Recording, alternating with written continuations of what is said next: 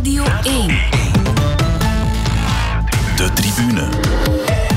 David Naert. Hallo en welkom in deze special van de tribune waarin we vooruitkijken naar de Olympische Spelen in Tokio.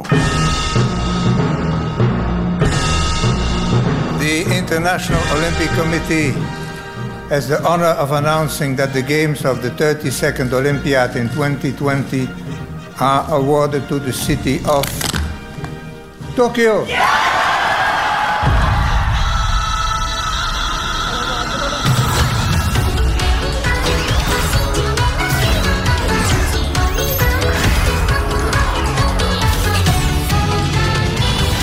This is CNN breaking news. World leaders calling on Japan to postpone the Summer Olympic Games due to coronavirus concerns. This as countries are beginning to say that their athletes will not be competing. Following a very comprehensive uh, discussion today in the uh, Executive Board, uh, the IOC remains fully committed to the success of the Olympic Games Tokyo uh, 2020.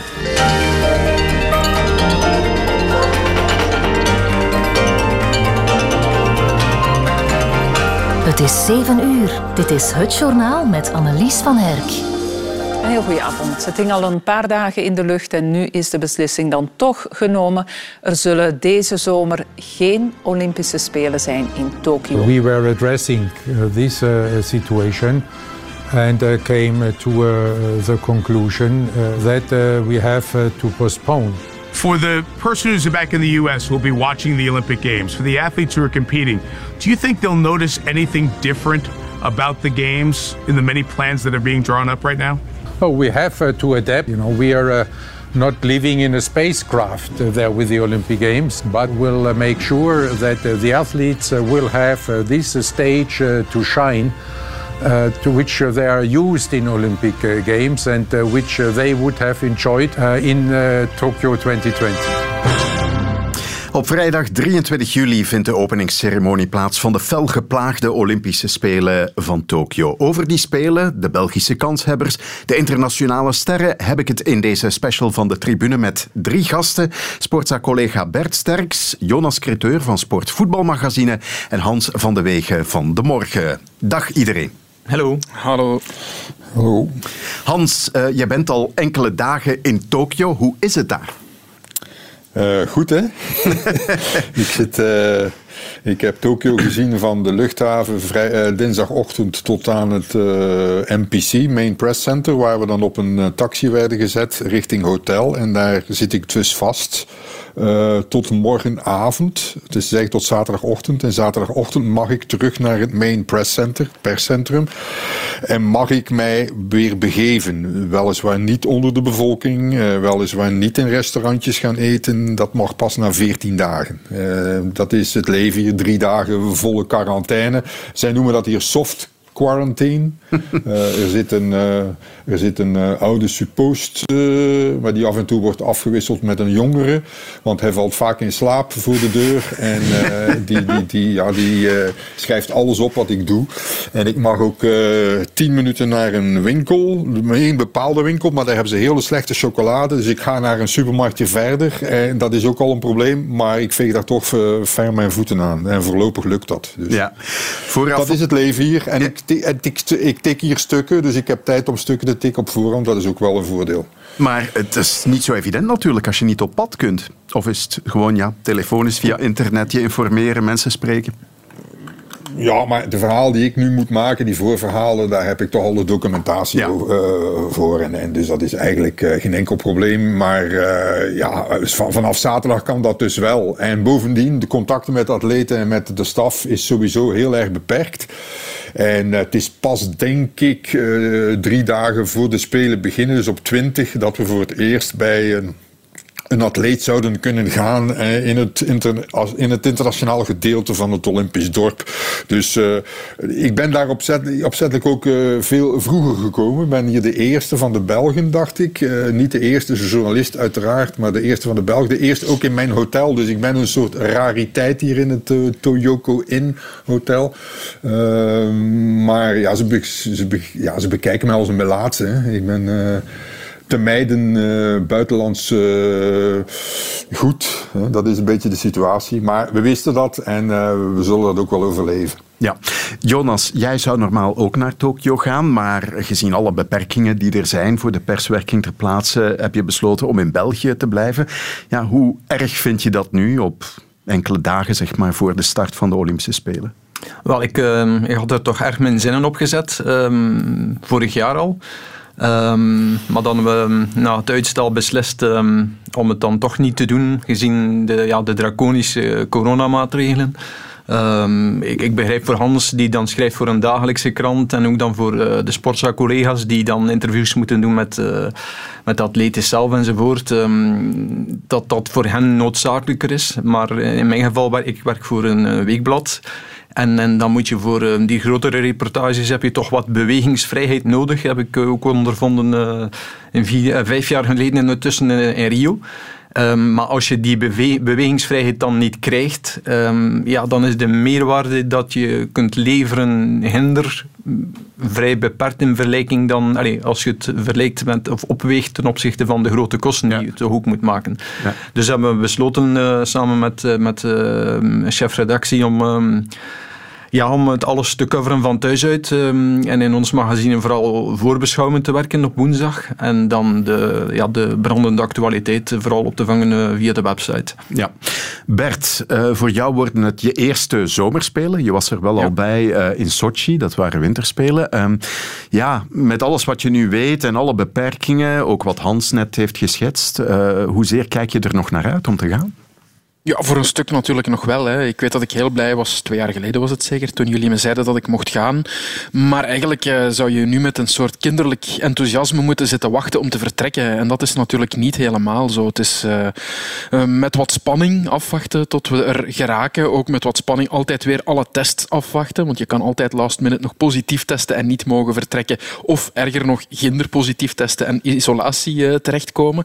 Dus het is zeker niet met hetzelfde gevoel als je zou moeten kunnen afreizen naar daar. Langs de andere kant blijft het natuurlijk een, een fantastisch evenement om bij te zijn. Dus naar het sportieve gedeelte kijk ik wel nog uit. Ik, ik kan eigenlijk niet wachten tot dat begint, tot alle ellende ervoor dat dat van de baan is. De tribune. Je kon het daarnet al horen dat de Spelen in Tokio al een lange leidersweg achter de rug hebben. Het uitstel werd uiteindelijk geen afstel, maar de vaccinatiegraad in Japan ligt op dit moment nog laag. De besmettingen nemen toe. Een meerderheid van de Japanners heeft blijkbaar helemaal geen zin in deze Spelen. Eerst werden buitenlandse toeschouwers geweerd, recent ook de Japanse. En zo worden het uitzonderlijke Spelen waar velen toch met een bang hart naar uitkijken. Maar ik zei het, er is behoorlijk wat ongenoegen bij sommigen dat die Spelen spelen toch nog doorgaan. Hoe kijken jullie daar eigenlijk naar? Uh, Hans, ik ga bij jou beginnen met die vraag. Wel, er is een beetje, er is iets raars aan de hand. Hè? Ik bedoel, er mogen, er mogen geen mensen naar, uh, naar de Olympische venues komen. Die wedstrijden mogen niet worden bekeken. Maar op het eigenste moment, als we dit nu opnemen, heb ik daarnet, uh, ben ik stoppen met kijken, ben ik gestopt met kijken naar de Belgian Cats, die in Saitama, dezelfde stad, maar in een andere sporthal, oefenen tegen Japan. En daar zit de zaal half vol. Mm -hmm. En zelfs bij halftime komen er pom-pom girls op de vloer die van alles roepen en tieren. De supporters roepen defense, defense, defense. Uh, Nippon, Nippon, Nippon. Dus Japan, Japan, Japan. Zoals in een gewone wedstrijd, alleen de zaal is maar half bezet. Dus dat kan dus wel. Ik heb dat al, die beeldjes natuurlijk al heel snel doorgestuurd naar mijn contacten bij het IOC. En die zeggen, we zullen met onze Japanse vrienden dat toch eens overleggen. Waarom dat daar wel kan, enkele dagen voor de Spelen, en straks op de Spelen niet. Dat is de situatie. Uh, ik vind het heel vreemd. Het stoort mij mateloos uh, hoe de Japanners hiermee omgaan. Want je zegt, ja, de besmettingen stijgen, maar ze zitten op een vierde van wat wij hebben in België. Ze zijn hier wel met 126 miljoen. Hè. Er zijn dus duizend besmettingen in Tokio gemeld gisteren, of, of misschien iets meer dan duizend nu al. En ze zijn, groter Tokio, daar wonen 30 miljoen mensen. Ja, ja, ik weet niet of die paniek... eh, ja, de Japanners hebben een beetje last van smetvrees. Eh, dat zit in hun, eh, in hun DNA. Maar je moet het ook niet overdrijven natuurlijk. Hè. Mhm. Ik denk... kijk, de Olympische Spelen zijn hier niet gewenst. Dat is vrij duidelijk. Hè. Dus Ja. de bevolking... Maar het is nu niet zo dat ik, als ik op straat loop... dat ik word geschoffeerd of zo. hè. Mensen zijn altijd heel aardig. Maar je ziet ze kijken en denken... Oei, er loopt hier een eh gaishin. Hè, want dat is dus een buitenlander rond. Wat, wat komt hij hier doen? Hè? Ja. Maar vind jij het oké dat de Spelen doorgaan? Ja, oké, nee, nee, het is niet oké, maar ik begrijp ook dat het niet anders kan. Hè? Je, hebt hier, je zit hier met een, een, een, een, geldstroom van ongeveer 6 miljard eh, dollar, die uiteindelijk voor 90% terug verdeeld wordt naar de sport. Ik zeg niet dat de atleten dat rechtstreeks krijgen, want het blijft heel veel hangen in bonden en in structuur, dat weet ik ook allemaal wel. Maar dat geld wordt uiteindelijk wel terug verdeeld naar de sport, naar sportbonden. En als dat geld opdroogt, want dat is natuurlijk de situatie op het moment dat de Spelen niet doorgaan, dan is er een stukje dat de verzekering dekt, maar dan gaat NBC zijn factuur niet meer eh, terugsturen. Enfin, tenminste, dan zal het IOC een factuur krijgen of een kredietnota, zoals dat dan heet. Ja, en dan eh, ook alle sponsors en, en al dat geld. Dat, kijk, je mag niet vergeten, er gaat 540 miljoen eh, naar de sportbonden. Er gaat ongeveer 540 miljoen dollar, dollars dus, hè, daarover heb ik het, naar alle Nationale Olympische Comité's. Ook nog een keer 500 miljoen naar de Amerikanen, maar dat is een ander verhaal. Eh, ja, als dat allemaal wegvalt, dan stuikt eigenlijk de Olympische sport in elkaar. Het voetbal, de FIFA zal daar geen last van hebben, maar alle andere sport wel. Hè. Ja. Jonas, eh, hoe kijk jij naar die hele materie? Uitstel, afstel, afgelasten? Wel, ik, geef eh, Hans gelijk dat het in feite ehm, ja, het, is een levenslijn voor, eh, voor alle atleten en alle internationale federaties. Ehm, die internationale federaties, eh, de 33 dan voor de zomerspelen en dan voor 30% van hun inkomsten gemiddeld dan ehm, uit, de jaarlijk, allee, uit de bijdrage van het Olympisch Comité dan na, na afloop van, het, van de Spelen, want dat is, dat is een belangrijke nuance. Ehm, voor velen is dat zelfs nog, nog een, een, grotere, een groter deel. Hoe, hoe kleiner de sport, hoe groter het voilà. eh, aandeel dus, wordt. eh, want dat gaat van ja, 33 miljoen, dacht ik, eh, voor de grotere federaties tot 11 miljoen voor de, ja, de kleinere federaties. Maar voor hen is dat, is dat zeer belangrijk. Plus ja, gewoon voor de atleten zelf ook, hè, dat is, die daar vijf jaar lang naartoe leven. Ehm, voor die grotere verzetten is dat geen probleem, eh, financieel dan. Maar ehm, ik kan me voorstellen, vooral de, de, de judoka's, de, de kajakkers, de, zelfs de zwemmers en, bepaalde atleten, is, is eh, dat het enige toneel waar ze om de zoveel jaar misschien kunnen opschitteren. En eh, waar dan ook vaak een een contract aan vasthangt. Ehm, en, en als ze dan effectief daar één een medaille of zelfs een, een, finale plaats kunnen behalen, ja, dan is er voor hen ook een, extra leverage om eventueel ja, een, extra sponsor bij te winnen enzovoort. Eh, en nog los van ja, puur, het, eh, het, het menselijke, van, van als je atleet vijf jaar lang dat het ene grote doel, doel heeft. Oké, er- ondertussen zijn er wel EK's en WK's, maar zeker voor die echt pure Olympische sporten is dat toch het van het. En als dat dan zo helemaal zou wegvallen, dan, dan begrijp ik dat Bach dan ook wel zegt van ja, wij mochten niet opgeven voor de atleten, anders hadden we een hele generatie verloren. Ehm, vooral ook om, omdat dan... ehm, ik vind het een opvallende statistiek dat eh, ik dacht iets van 73% van de atleten maakt altijd maar één Olympische Spelen mee. Ja. Ja, dat, dat is een. Dat is veel, hè? Dat is, ik, eh, toen ik dat las, ik vond dat zeer opvallend. Ehm, nu, dat zal misschien iets minder zijn, omdat dan Parijs ehm, eh, pas al over drie jaar volgt en, en er nu wel wat jongere atleten nu al kunnen deelnemen. Maar allee, het geeft wel aan dat zo'n Spelen voor velen een unieke kans is. Niet alleen sportief, maar dan ook op financieel vlak. Ja. En voor hen begrijp ik het dan, maar anderzijds ja, is, is, is, is het wel een, een, een, een dubbel gevoel. Hè. Zeker ook om, allee, zoals de Hans nu, nu beschrijft, ehm, eh, de Belgian Cats spelen dan voor 1500 man. Ehm, maar ik heb een keer gekeken, eh, gisteren was er een eh, competitiedag in, in een baseball, de baseballcompetitie, zeer populaire sport in, in Japan. Ehm, en dan hebben de Tokyo Swallows in de Tokyo Dome eh, gespeeld voor 10.767 toeschouwers. Voor 10.767 toeschouwers. Ja. En vorig weekend was er dan een, een competitie, speeldag in de G-League van de voetbalcompetitie. En daar zaten er ook eh, verspreid over het hele land 4.000, 5.000 eh, tot 9.000 toeschouwers. Ja. En dan wordt dan de beslissing genomen om in, in, in, eh, tijdens de Olympische Spelen niemand toe te laten. Ja. Maar dat is dan, dan weer puur een, een politieke beslissing geweest. Ehm, misschien kunnen we daar straks nog later op terugkomen. Maar eh, ja, het, het hangt af van één, geld en twee, politieke keuzes dan in, in Japan zelf. En dan, ja, dan was het bijna onvermijdelijk dat dat, eh, zoals eh, ik dacht de- Dick Pound het zei, de, eh, IOC-lid, behalve een, een Armageddon, dus tenzij de wereld zou vergaan, zullen de Spelen plaatsvinden. Ja, En- ook omdat eh, Japan er contractueel eigenlijk niet onderuit komt, toch? Eh, nee, eh, want dus zij kunnen niet eenzijdig beslissen van eh, wij, houden ermee op, uh, sloesdamiet. ehm, dus dus het, het moet is, het is het, alleen het IOC kan dat eenzijdig beslissen op voorwaarde van een burgerlijke opstand, ehm, als er oorlog is, als, als de, eh, de, de veiligheid van de deelnemers in, in gevaar komt. Dus alleen het IOC kan dat eenzijdig beslissen en moet daarvoor dan ook geen, geen schadevergoeding voor betalen.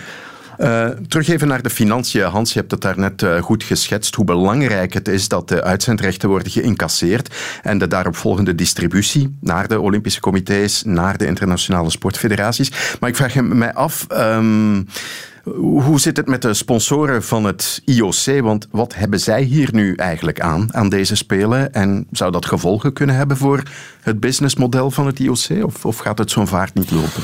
Ja, ik denk het niet. Hè. De, de, het specifieke aan de Olympische Spelen is dat als je als sponsor je 80 of 90 miljoen dollar, of soms in sommige gevallen 120 miljoen dollar neerlegt, je eigenlijk nog niks hebt. Hè. Jij weet dat eh, ook eh, even goed als ik. Er, zit geen, er staat geen boarding in, in, in het stadion. Niet zoals bij een eh, WK voetbal of een EK voetbal, dat daar allemaal borden rond staan.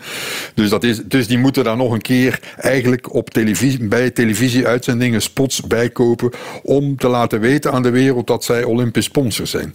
Dus eh, uiteindelijk blijft voor hun de televisieuitzending het aller, aller, allerbelangrijkste. En dat is uiteindelijk waar het IOC heeft op toegegeven. Nu, eh, als je helemaal teruggaat naar het begin. Ik was twee weken voor de afgelasting of voor, de, uit, voor het uitstel was ik nog bij Bach voor een interview samen met Philippe van der Weijer van Le Soir. En toen hoorden we al dat het eigenlijk ja, misschien wel in de pij- pijplijn zat, maar ja, veel konden we daar niet over schrijven toen. En, eh, maar uiteindelijk heeft het IOC zelf beslist, niet Tokio, niet Japan, om die spelen uit te stellen. Want op dat moment was er eigenlijk in Japan niks aan de hand. De dag dat het werd uitgesteld waren er maar 73 besmettingen in heel Japan. Nu, uiteindelijk is Japan, ik wil het nog een keer herhalen, panisch, hysterisch met dat virus omgegaan. Want er is eigenlijk geen, nooit sprake van een golf geweest zoals bij ons. De Japanners hebben 15.000 doden voor 126 miljoen mensen. Ze hebben een hele, oude bevolking nogthans. Wij hebben er 25... Oké, we hebben het niet altijd zo goed gedaan in België, maar inmiddels hebben andere landen ons ingehaald. We hebben er 25.000 doden voor 11 miljoen mensen. Dus als de Japanners ons wilden kloppen in het aantal doden, moeten ze er 250.000 hebben. En ze hebben er maar 15.000. Dus uiteindelijk, dat coronavirus is hier helemaal niet erg. Eh, Ook die, die Indiaanse variant, die Delta-variant, er is nog maar, zit nog maar aan 13 procent. Ja, het is, het, het is wat het is. En het is eigenlijk momenteel niks. Maar de Japanners maken er iets heel groots van. En natuurlijk, het IOC wil absoluut die Spelen nu houden. Een jaar later. En dan zeggen de Japanners, ja, maar het zal wel volgens onze voorwaarden zijn. En inderdaad, die premier die wil niet het risico lopen dat maar het minste zou misgaan. Ja. En wil dus gewoon hele steriele spelen met mensen die, ja, zoals ik dan, worden acht keer gecontroleerd als je van de luchthaven komt, tot uit het vliegtuig stapt, totdat je in de taxi stapt. Eh, vier uur ben je daarmee bezig. Eh speekseltest ondergaan onderweg nadat je twee uur hebt in de luchthaven rondgelopen met een droge mond. Dan moet je ze proberen een buisje speeksel te vullen. Dat krijg je daar dus niet in. Dus wat deed ik dan? Ik begin er begon dan in te blazen. Dat krijg je dan in je gezicht. Dus aan iedereen die nog moet komen, niet doen. Er nooit in blazen. Eh, ik heb vandaag alweer speeksel moeten afleveren. Gisteren ook alweer speeksel. Morgen ook. En dan over vier dagen, elke vier dagen weer. Ja, dat zijn de, ik noem ze een beetje pesterijen. En uh, wat Jonas daar zegt, ja, de vaccinatie loopt niet goed. Wel, ik ben, uh, het verbaast me dat de Japanners er al in geslaagd zijn van een paar procent mensen te vaccineren. Want met al hun procedures, met al hun administratie en hun bureaucratie, is het een wonder dat ze, dat ze een naald in de arm van de Japanner krijgen. Eerlijk waar. Want dit is hier allemaal papierwerk, allemaal regeltjes, allemaal en nog. Ja, goed, het is. Ja. Uh, het is Japan, we wisten het en uh, we zullen er door moeten. Ja, uh, wat ons het meest zal opvallen als toeschouwers hier in, in België is dat er geen toeschouwers mogen zijn op de Olympische Spelen. Uh, Bert, jij geeft ook regelmatig voetbalcommentaar. Jij bent lege stadions helaas al wel gewend, maar ja, dit is toch nog wel iets anders, denk ik. Hè? Want je hebt ook al verschillende atletiekkampioenschappen becommentarieerd. Ja, wat gaat dat ja, de worden? Vleugels, de vleugels die je krijgt uh, van het publiek, die gaan er niet bij zijn. Hè. Ik, ik zeg, zeg, niet dat de prestaties plots veel slechter gaan zijn, natuurlijk. Hè. Zo werkt het ook niet. Maar dat kleine duwtje dat je krijgt, dat je de pijn doet uh, vergeten en uh, verbijten. Het ritmische handgeklap, ook voor de kampnummers bijvoorbeeld. Wat die atleten toch altijd te graag hebben, waar ze zelf naar vragen hè, aan het publiek om dat te doen, vlak voor hun sprong. Dat gaat er nu uiteraard allemaal niet bij zijn. Dus dat kleine extraatje, dat zal wellicht wel, wel kunnen wegvallen, denk ik. Ja, um, ik las uh, onlangs op sportsa.be nog een interview met Paul Willeman, sportpsycholoog, die ook denkt dat uh, de afwezigheid van publiek geen impact zal hebben op prestaties. Uh, omdat atleten, ja, die strijden tegen elkaar. je strijdt niet voor het publiek op zo'n moment. Nee, dat klopt. Hè. Dat is een beetje wat ik, uh, wat ik zeg. Ik denk niet dat ze plots veel trager gaan lopen omdat er geen publiek is. Hè. Zo, zo werkt het natuurlijk ook weer niet. En ze hebben er allemaal zo lang naar uitgekeken om zich nog een keer te tonen aan een internationaal publiek. Want dat is het toch nog altijd. Hè. Er gaan wel miljoenen mensen naar zitten te kijken, ook al is het niet rondom hen. Ze hebben wel het besef dat ze eindelijk nog een keer aan iets groots kunnen deelnemen. Je kan ze niet blijven zoet houden met de, met de kleine micromeetings waar ze met drie tegen elkaar lopen. Nee, het is nog een keer voor echt met een uh, internationale tegenstand van topniveau. Alleen zal die misschien een beetje onvoorspelbaarder zijn dan anders. Hè? Want uh, er zijn sporten zoals het wielrennen waar we wel een goed zicht hebben op wie goed is en wie niet goed is. Maar er zijn andere sporten, zwemmen bijvoorbeeld, hebben daar wat uh, minder zicht op. Ook de kleinere sporten, bij gebrek aan uh, internationale toernooien en evenementen, is het heel moeilijk om te zien wie is er in vorm, wie is er niet in vorm. En er kunnen er altijd nog last minute wegvallen natuurlijk met alle maatregelen die er nu zijn. Hans, denk jij dat de afwezigheid van toeschouwers iets of wat van impact zal hebben op, op prestaties of, of niet?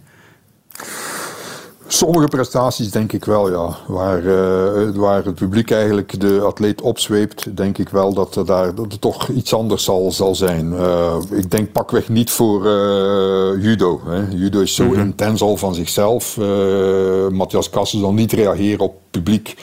Je hebt ook atleten die, ja, die het heel vervelend vinden dat ze, dat ze hun familie niet vooraf kunnen zien en ook niet achteraf kunnen zien. Ja, je kan, dat, kan daarmee lachen, maar soms is dat wel zo. En als onze voetballers dat mogen, dan mogen onze gewone atleten dat ook.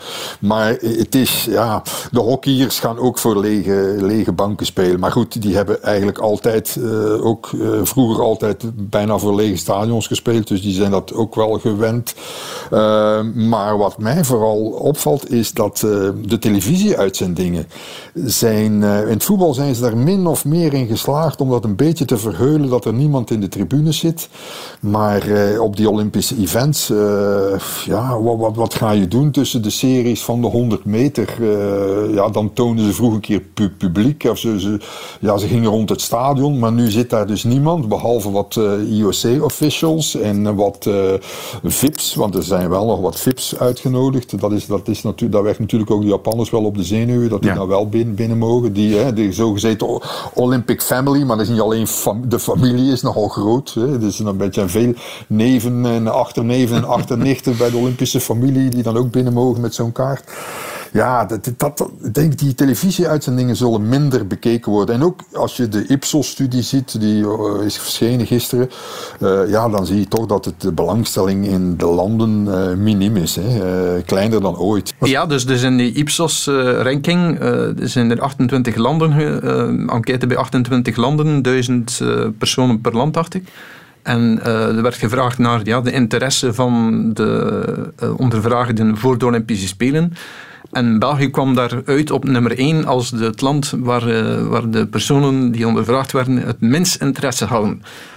70% dacht ik, zo, zoiets, ehm, had weinig of totaal geen interesse voor de Olympische Spelen. Nu dat werd afgenomen uh, begin juni, dus nog voor de start van het EK en, en uh, nog voor, voor de, de Tour. Tour enzovoort. Dus misschien is dat dan voor een deel te verklaren hier in België dan. Um, maar het, feit is wel inderdaad dat, zoals Han zegt, uh, uh, niet alleen in Japan, maar ook internationaal, dat dat ja. Um, dat toch veel mensen daar met de nodige sceptisch naar kijken en dat ze dan minder enthousiast zijn als voor een normale Olympische Spelen. Ja. Ik denk dat de, wat NBC nu heeft betaald voor de Spelen, oké, dat ligt een tijdje vast. Maar als bijvoorbeeld de sponsors van NBC. Want die heeft natuurlijk ook uh, reclameblokken verkocht en die zijn al vrij goed verkocht. Maar als die dan merken dat de kijkcijfers te laag zijn, ja, dat zit, dat zit in dat contract vervat. Dus die gaan dan ook weer een kredietnoodlatje sturen. NBC zal de volgende keer minder, minder uh, geneigd zijn om, om minder hoge bedragen in te steken voor die Olympische rechten. Want die zullen zeggen, ja, oké, okay, als er weer zoiets gebeurt, dan... Hè. Dus ja, het, het, het dreigt echt wel iets op lange termijn te worden, hoor. Waar, de, waar de sport heel veel last zal van hebben. Ondanks de toevoeging van dan jongere sporten, zoals muurklimmen, skateboarden.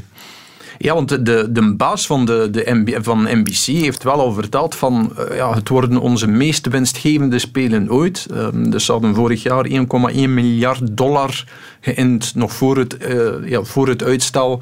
En daar zouden ze nu dicht in de buurt zitten. En ze verwachten ook ja, hoge, hoge kijkcijfers, ondanks dan het urenverschil, is dat, is dat een beetje window dressing om, om dan die interesse kunstmatig op te poken. Misschien wel, misschien niet. Um, maar feit is wel ja, dat, het, um, dat, dat die uitzendingen ook totaal anders zullen zijn.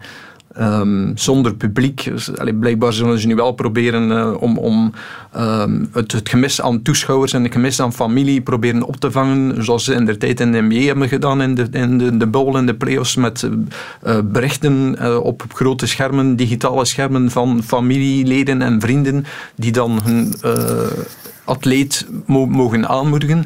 En blijkbaar gaan ze dan ook de, de uitzendingen zelf um, nog meer uh, inzetten op, op, op, op het geluid van de competitie enzovoort. Ja. Om, ja, om toch, toch een iets, sfeer te creëren. Ja, toch een sfeer te creëren die je dan niet hebt met, um, of dat je wel hebt met, met, met toeschouwers. Maar ja, het zal sowieso wel anders zijn um, dan, dan, dan op, op andere Olympische Spelen. Maar of dat, dat een grote impact zal hebben op, op de atleten dan zelf, ik denk dat ze dan intussen ook al het is niet de eerste keer dat ze dit zullen meemaken. Dus ik denk dat dat voor hen.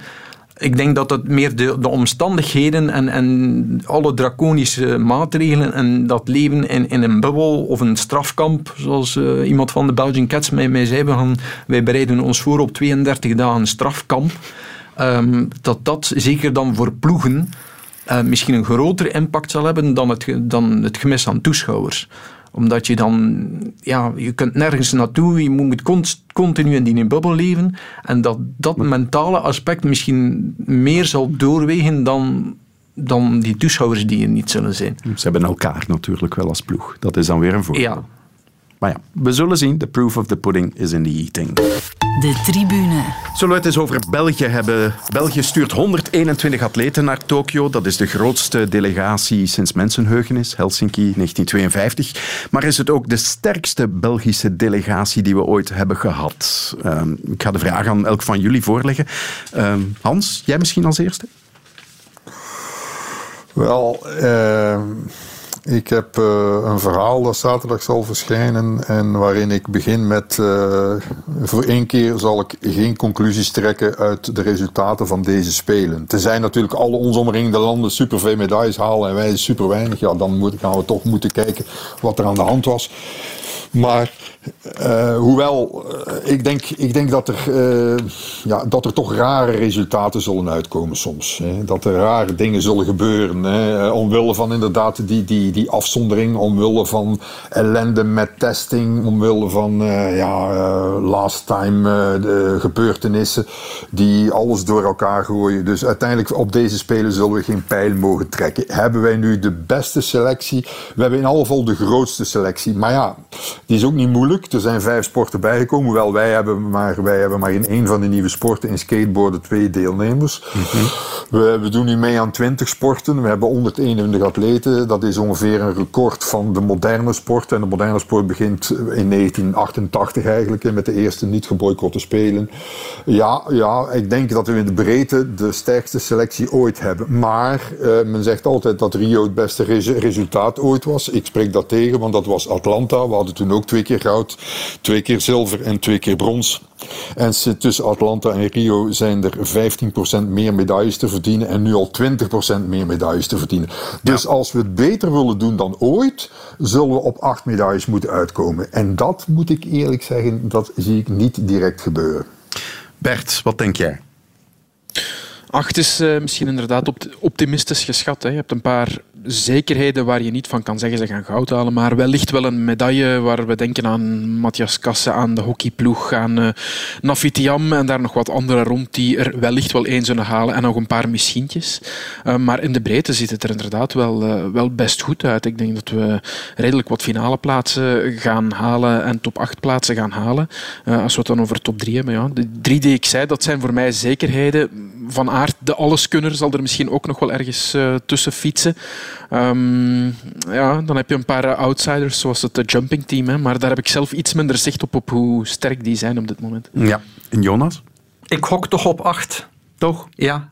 Um, ik heb even, even, de oefening gemaakt. Um, ik denk dat je er mag van uitgaan dat er uh, vijf grote medaillekansen zijn. Um, de Stiam, Kasse, de Red Lions, Nina Derwaal en Van Aert Evenepoel of in de tijdrit of in de wegrit. En misschien nog meest in de tijdrit. Dus dat die vijf een medaille zullen behalen, lijkt mij vrij groot. Die kans vrij groot. En dan heb je mm, ja, nog een, misschien een, met, met goede wil een, een twaalftal andere kansen. Um, en als je die kansen dan ja, deelt door de Golden Olympische regel van, van 1 op 3, of, of in een pessimistisch geval misschien 1 op 4, ja, dan, dan kun je misschien zeggen 5 plus 3, dan kom je op 8. Je komt nooit aan 24 medaillekansen, Jonas? Nee, maar wel 12. Hè? Dus ik, ik bedoel, ik, ik, ik, ik, ik reken er dan op dat... Ah, maar jij denkt, dat, ah, maar jij, denkt, jij denkt dus dat, dat ze alle vijf een medaille gaan halen? Nee, dat, dat gebeurt echt niet. Dat is nooit, nog nooit gebeurd. Dat alle vijf certitudes ook een medaille halen. Er zal altijd één of twee falen. En uh, ja, falen is dan een groot woord. Hè. Het zijn topatleten allemaal. Maar uh, we winnen niet altijd alle medailles die je moet winnen. Er zijn natuurlijk altijd wel verrassingen ook. Maar ja, de verrassingen hier, die zullen ja, misschien nog weer iemand in het schieten of zo, weet ik veel. Uh, sport die waar we mhm. niks van kennen. Uh, dat zou een keer kunnen, uh, weet ik veel. Uh, en misschien skateboarden, ja, dat, dat soort gedoe kan ook allemaal. Maar ik, nee. Ik, maar dan, Hans, ik vind dat je dat, dan moet kijken naar de, naar de individuele gevallen van Tiam, van Kassen, van, van de Lions, van Der Waal, van Aert en Evenepoel. Uh, ik spreek niet over gouden medaille, want, want intussen, tot, tot voor kort hadden we gedacht, uh, de Waal, ja, dat is goud enzovoort. En, en de Lions, oh, die ook vingers in de neus, gouden medaille. Dus dat is ook allemaal niet vanzelfsprekend. Maar het zou mij toch straf lijken mocht, uh, mochten de Lions naast de medaille grijpen, naar wat ze allemaal hebben gepresteerd. Uh, mocht Jan naast de medaille grijpen, want um, die, dus haar grote concurrent uh, Johnson Catherine Johnson Thompson is, is pas terug uit een Achillespeesblessure en is absoluut nog niet op niveau. En al de rest, als Tian maar normale niveau haalt, komt nog niet aan haar enkels, bij wijze van spreken. Um, ja, dat Van Aert en Evenepoel, dat, dat een van die twee, in, ofwel en de wegrit en de tijdrit, een medaille zullen behalen. Wegrit is al misschien moeilijker, maar, maar zeker in die tijdrit moet denk ik toch één medaille zeker mogelijk zijn. Uh, Derwaal tegen Sonus Ali en, en dan die Chinese, um, ja, misschien wordt het voor Hout dan moeilijk, maar toch ook mensen zijn medaille. En Kasse heeft, heeft nu toch ook bewezen op, op, um, uh, op, op het WK dat hij, dat hij er staat. Um, en, en, allee, mentaal enorm sterk, gaat niet plooien onder de druk. Um, dan denk ik dat, dat hij, behalve dan misschien tegen de wereldkampioen uh, Sagi Muki, dat, tegen wie hij al, twee keer heeft uh, verloren, of zes keer heeft verloren en nog maar twee keer heeft gewonnen. maar voor de rest denk ik dat hij ook die mannen allemaal aan kan. Dus ik denk dat je van die vijf Je kunt niet met zekerheid zeggen, want ze kunnen altijd geblesseerd uitvallen en, en, en plots een hitteslag krijgen enzovoort. Maar ik acht de kans dat die vijf uh, of een medaille zullen behalen op misschien 80%. En dan heb je nog ja, die 12 andere medaillekansen. Oké, okay. zullen we er eens wat dieper op ingaan, op, op de belangrijkste kandidaten? Uh, je hebt net al wat uitleg gegeven, Jonas, over Matthias Kassen, wereldkampioen judo. Uh, na zijn gouden medaille in Budapest op dat WK zei hij dit. Ik ben Europees kampioen, vice-wereldkampioen, maar nu wereldkampioen is toch... Ah, als je ergens met goud vertrekt, dat is een, dat is een heel ander gevoel. Ik ben ongelooflijk blij, maar het, het, grote doel van dit jaar komt nog. Uh, en ik moet nu nog even rustig blijven, zes weken hard trainen, alles doen om uh, in Tokio terug het goud te pakken. Heb je niet het gevoel dat je misschien toch net iets te snel in vorm bent, of, of, of niet? Ik, ik, ik voel dat, er, uh, dat ik al goed in vorm ben, het trouwt heel goed. maar het kan ook beter en gaan we in Tokio het bewijzen. Moet enorm veel vertrouwen geven, toch, hè? deze wereldtitel? Ja, ik denk vooral de manier waarop geeft me heel veel vertrouwen. Ik voelde me goed op de mat, ik was heel ontspannen. Zowel voor de wedstrijden als tijdens de wedstrijden. En als ik met dat gevoel naar Tokio kan vertrekken, dan ben ik er zeker van dat dat goed gaat komen. Uh, Jonas, jij roemde zijn mentale sterkte, maar ook zijn fysieke kracht is om u tegen te, zet, te zeggen. Hè? Uh, vaak ook toernooien met verschillende kampen tot in de golden score, ja. regelmatig. En hij is niet te slopen. Ja, want dat was tot voor het corona-uitstel ook al zijn, zijn, zijn grote mm, sterkte. Um, dat hij in, tot in de verlenging bijna altijd op, op grote kampioenschappen altijd in het langste eind trok. Uh, maar dan kwam dan de corona-onderbreking, moest hij in, een bubbel le uh, leven en trainen met, met niet de beste trainingspartners enzovoort. En dan zag je op de eerste grote competities na de corona-break dat hij dan wel in die verlengingen soms, soms verloor.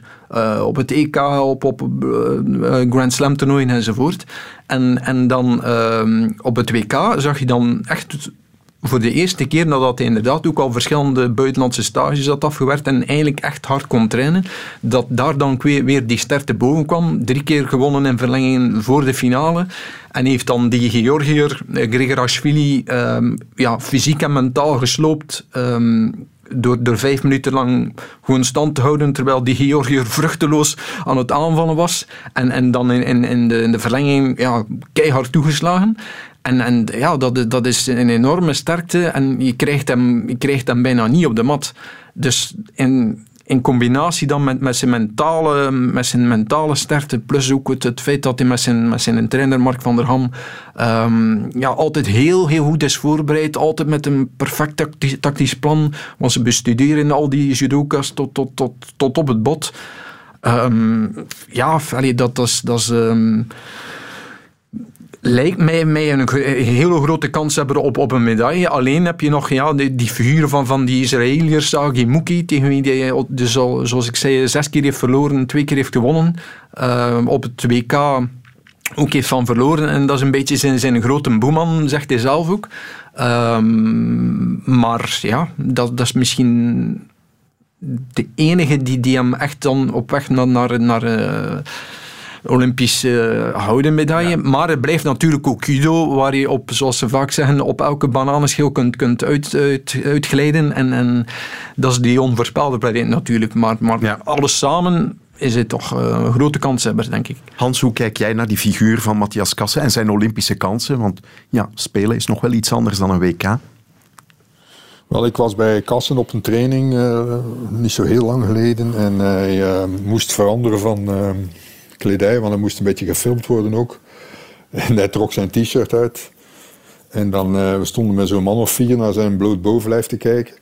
En uh, het werd heel stil in de zaal. Hè. Dus uh, een onwaarschijnlijke spierenbundel. Um, ik heb ook de finale bekeken op Eurosport. En daar gaf um, Neil Adams, de Engelse judoka, bekende judoka, en, en Dennis van de Geest, de Nederlander, gaven daar commentaar. Uh, en dan hoor je Dennis van de Geest na minuut 2 of minuut 3 in de gewone kamptijd zeggen: Ja, maar nu komt Matthias Kass in het voordeel, want die, die jongen heeft een ongelooflijke fysieke conditie. Hij is heel sterk bezig en nu krijgt hij het voordeel en nu gaat die uh, Georgiër eraan. Dus dat was heel goed voorspeld, want zo is het ook gebeurd. En uh, ja, het is, ik vind het een, een, fenomenaal figuur. Voor mij zei de, de 21e eeuwse Robert van, van de Wallen, behalve mm -hmm. dat hij niet naar Japan moet, uh, om, zoals Robert. Maar uh, zijn, um, zijn vastberadenheid, zijn fysieke capaciteiten, maar gecombineerd met een ongelooflijke techniek. Mark van der Ham komt uit de school van, uh, van Huizinga, Mark Huizinga, de school van Chris de Korte, die het allemaal heeft geleerd door uh, zelf uh, vier maanden op een trein te gaan zitten richting Japan in de jaren 60 en daar een jaar te verblijven. Een, echt een grote sensei in, in Nederland. Ja, hij is een, het is een ongelooflijk mooie judoka-kasse. slimme jongen ook ja, eigenlijk een uh, absoluut topfiguur voor de Belgische sport. Maar Robert van der Wal was dat ook in 84 en hij verloor van een Amerikaan waar nog niemand had van gehoord. Omdat hij zichzelf dus, uh, ook met enorm dus, veel druk had opgezadeld toen, zegt hij. Ja, maar ook waarschijnlijk omdat er, omdat er toen in die tijd was er geen videoanalyse enzovoort. Ze, ze hadden wel gezien wat, wat die Adams had gekund en, en dan hadden ze hem wel ergens uh, de hoek van de zaal laten zien, maar dat is dus niet gebeurd. Het was, dacht ik, met een ja, op, op beslissing ergens of zo heeft hij dan verloren, als, als ik me goed herinner. Uh, dat zal nu niet gebeuren met Kas. Maar ja, blessures kan allemaal. Dus ja, toch maar een slag om de arm houden. In ja. elk geval, als hij eruit gaat in de eerste ronde, gaan we hem niet afschrijven. Absoluut niet. Nee, want hij is nu eenmaal wereldkampioen ja. bij de mannen. Heeft geen enkele. Belg dat ooit uh, gedaan. Ja. En voordeel als hij Olympisch kampioen wordt, is hij de tweede. Ja. Als hij Olympisch kampioen wordt, is hij de tweede man die Europees wereld- en Olympisch kampioen is geworden in, in één sport. De eerste was Fred de Burghaven. En die heeft er nog een keer een wereldrecord bij gezwommen. Wat natuurlijk, een wereldrecord judo bestaat niet. Dus ja, dat uh, is het nadeel van Kassen dan. Hè. Jonas. En uh, voordeel voor Kassen is ook dat hij vier jaar geleden al in Rio was. Op jonge leeftijd als trainingspartner van uh, Dirk van Tichelt heeft daar meegemaakt. Ik zat naast Kassen op de tribune. Uh, hoe toen uh, Van Tichelt dan brons behaalde. Heeft daar alles meegemaakt op de eerste rij. De voorbereiding van Van, van Tichelt. Um, ja, de, de, de, de, jubel achteraf. Dan ook nog het hele telefoonincident. Toen dat ze gsm werden afgepakt. En dan ook waren die politie bij betrokken enzovoort. Dus heeft, heeft daar alles van al heel dichtbij meemaakt. Weliswaar niet als atleet zelf. Maar ik denk dat dat die ervaring hem ook al zal, zal helpen nu in aanloop naar Tokio. Hoewel dat het nu weer totaal andere omstandigheden zullen zijn. Ja. Van uh, judo gaan we naar atletiek. Haar naam is ook al gevallen. Nafi Tiam, titelverdedigster in de zevenkamp.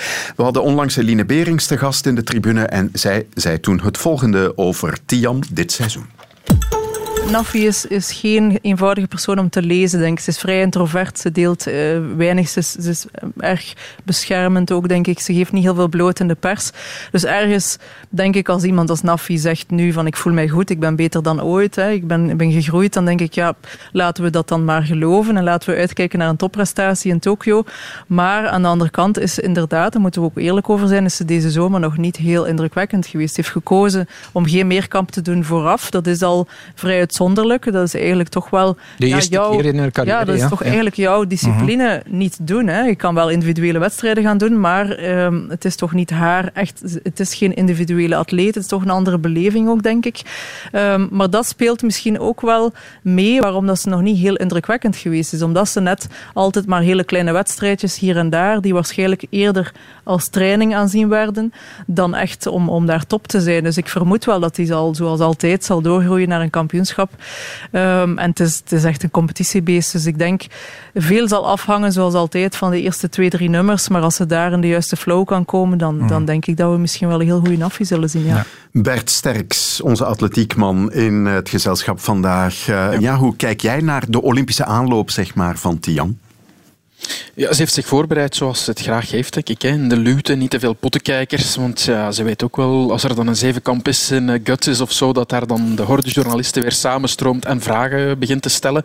Maar wat Helene Berings zegt, dat uh, klopt natuurlijk. Ze is niet indrukwekkend geweest. Hè. Er is geen enkel PR meer bijgekomen in open lucht. Sinds het WK in uh, Doha is daar niets meer aan veranderd. En daar was er zelfs ook geen enkel bij, als ik mij niet vergis. Wel indoor eentje toen ze goud pakte in Torun. Daar had ze een PR op de de 800 meter en uiteindelijk ook op de vijfkamp. Dus ik denk niet dat haar vorm slecht is. Dat zeker niet. Alleen kan je eh, vraagtekens stellen bij um, de opeenvolging van zeven onderdelen op twee dagen. Dat kan je evenzeer stellen bij Katrina Johnson-Thompson, die ook geen zevenkamp achter de rug heeft. En die heb ik zien uh, verspringen. Eergisteren was het zeker een gateset. Dat was alles behalve indrukwekkend. Ik uh, denk dat zij nog met heel veel schrik aan de start gaat komen om haar uh, blessure weer te laten opspelen of te verergeren, wie weet. die grote concurrenten van Tiam. En op de andere atleten is het heel moeilijk om er een beeld op te krijgen. Je krijgt ze natuurlijk niet zo vaak te zien.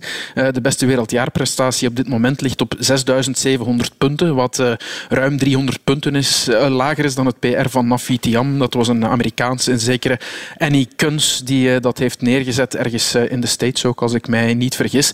En er zijn nog wel wat vraagtekens. Het speerwerpen, je mag er eigenlijk niet meer naar vragen bij haar, hoe het gaat met haar elleboog. Want ja, ze wordt er wat kregelig van als je dat doet. Maar de realiteit is wel dat ze in competitieverband al anderhalf jaar geen speer meer geworpen heeft. Dus het is wel logisch dat er hier en daar vraagtekens worden gesteld bij, bij hoe goed ze is. En zeker op sommige onderdelen. Mm-hmm. Maar ik denk wel op basis van puur haar talent dat ze heeft, uh, haar atletische bouw, dat ze een medaille zal halen op de Spelen. Of dat goud is, weet ik niet. Maar wel top drie. Ja, we associëren Tiam natuurlijk ook altijd met topprestaties in het hoogspringen. Hè? Dat, dat is ook een nummer waar ze erg veel punten pakt ten opzichte van de concurrentie. Maar ik dacht haar beste dit seizoen tot nu toe 1,89 meter voor iemand ja, die toch gewend is om een stuk hoger te springen. Dat, dat voedt ook de twijfels, denk ik dan. Ja, zeker. 1,89 meter. Uh, zowel in zaal als buiten was dat haar, uh, haar uh, seizoensbeste. In Montreuil was het, denk ik, die 1,89 nog niet zo lang geleden, een paar weken geleden. Ja, ze zegt daar zelf over dat het allemaal onder controle is. Hè. Het is zoals Eline Berings eigenlijk zegt, we zullen het dan maar geloven. Hè. Ze heeft gezegd dat het allemaal onder controle is en dat ze nog ging fine-tunen waar dat nodig was. Ze heeft ook wel gewerkt aan onderdelen waar ze wat minder goed in was. De loopnummers waar ze wat snelheid heeft proberen bij te pakken, nog, nog wat aan gewerkt, waardoor dat hoogspringen misschien wat is blijven liggen. En dat ze daar nu een, mm de laatste rechte lijn naar de Spelen dan weer wat uh, aan bijspijkert. Dat lijkt mij alleszins de bedoeling in het, uh, in het kamp van Tiam. En dan kunnen wij alleen maar hopen dat het goed komt, want we kunnen er zelf toch niks aan veranderen. Um, Jonas, jij, jij vertelde daarnet, um, ja, maar enige concurrente was eigenlijk Katrina Johnson-Thompson. Um, maar ja, die komt terug van een, een zware Achillespeesblessure en voor de rest stelt de concurrentie niet veel voor. Uh, als het om het, ja, het goud gaat eigenlijk, uh, met Tiam dan toch in polpositie. Hans, ja, dat klopt wel, hè, wat jo Jonas zei. Het is heel beperkt toch, hè, die meerkamp. Ja, ja, maar nu begeven we ons op glad ijs. Hè. Uh, dus als je, met, als je met atleten, ja, maar als je met atleten off the record praat, dan zeggen ze ja, maar ja, al die aandacht voor de meerkamp, waar halen jullie dat goden van het stadion? Eh, dat zijn mensen die eigenlijk ja, op één bepaald nummer nooit hebben uitgeblonken en dan maar alle nummers zijn beginnen doen. Ja, dat is een theorie als een ander. Uh, ik vind wel een hele mooie atleet, Nafitiam, maar het blijft natuurlijk niet de eerste keuze van iemand die in de atletiek gaat. Dit is niemand die zegt van in het begin ik ga zevenkamper doen of ik ga tienkamper worden. Het is meestal omdat je niet in één iets uitblinkt dat je dan zegt van ik ga een beetje van alles doen. Dus is daar eigenlijk heel weinig, uh, ja, zijn daar heel weinig mensen die daar aan de start komen. Maar ik heb nu, laat, ik heb nu vandaag ook nog een tweetje gelezen van Sydney Appelboom. Er zijn ook maar 17 vrouwen ingeschreven voor de 200 meter vlinderslag. Hè. Mm -hmm. Dus uh, ja, er zijn bepaalde nummers waar, gewoon, waar je gewoon makkelijker een medaille kan halen dan, dan, dan in andere nummers. Hè. Maar is dan zevenkamp en tienkamp een soft medal? Dat zou ik ook niet echt noemen. Ik denk niet dat er zwakke medailles zijn uh, op de Spelen. En elke medaille is een prijs. En uh, het is altijd mooi, vind ik, die tien of, die mm -hmm. of zeven proeven over twee dagen. Je ziet ook dat ze dan gesloopt zijn naar die 800 en die 1500 meter. Uh, ik heb daar altijd de volste bewondering voor. Ik heb, ben destijds groot geworden met Jurgen Hingsen, uh, Daley Thompson. Ja. En nog, was er nog een andere Duitser bij, weet ik veel, Kretschmer zeker of zo. Ja, dat waren echt bonken die daar over dat stadion, door dat stadion liepen en, en van alles en nog wat deden. Ja, nee, uh, het is niet de best bezette. Het is niet bezet zoals de 100 en de 200 meter, dat is duidelijk. Hè. En dus is Tian de te kloppen vrouw, toch? Ja, dat denk ik wel dat ze te kloppen vrouw is. Die, die K- KGT, hè, Ka- Katrina Johnson-Thompson, die eh, vol, vol volgens mij eh, geen deuk in een pakje boter. Maar die Amerikanen gaan misschien wel een beetje, als Nafitiam haar niveau niet haalt, zal die wel, misschien wel wat vervelend doen. Hè? Als die 150 punten meer scoren en Tiam zit er 200 onder, ja, dan zit ze bij haar in de buurt. En het is altijd wel, het is altijd wel meerkamp. Hè? Eh, Ti- Tiam is, is, vier, is vijf jaar geleden ook ineens. Wij wisten wel dat ze bestond, maar internationaal wist niemand dat ze bestond. Alleen de kenners dat wel, maar eh, ik was daar ineens ook. Dus misschien komt daar wel ook ergens ineens iemand tevoorschijn. Hè? Dus eh, altijd toch maar eh, een slag om de arm houden. Ehm, maar ik had even, even eh, de oefening gemaakt en gekeken naar haar scores op de voorbije grote kampioenschappen. En dus op, op alle EK's en WK's sinds eh, Rio, ehm, dus Rio 2016 heeft ze in feite telkens goud gewonnen met een score net boven de 6800 of net onder de 6800. Met dan een uitschieter in Gutsies eh, met haar persoonlijk record 7013 eh, dacht ik als derde vrouw zeker boven de, boven de 7000 punten.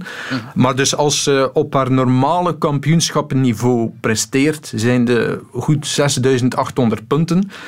Ja, en je vergelijkt dat met, met dan de, eh, de beste scores van eh, alle atletes die niet Catharina Johnson-Thompson heten van de voorbije vier jaar.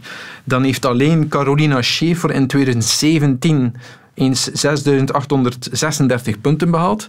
Maar al de rest heeft nooit de kaap van de 6800 punten eh, gerond.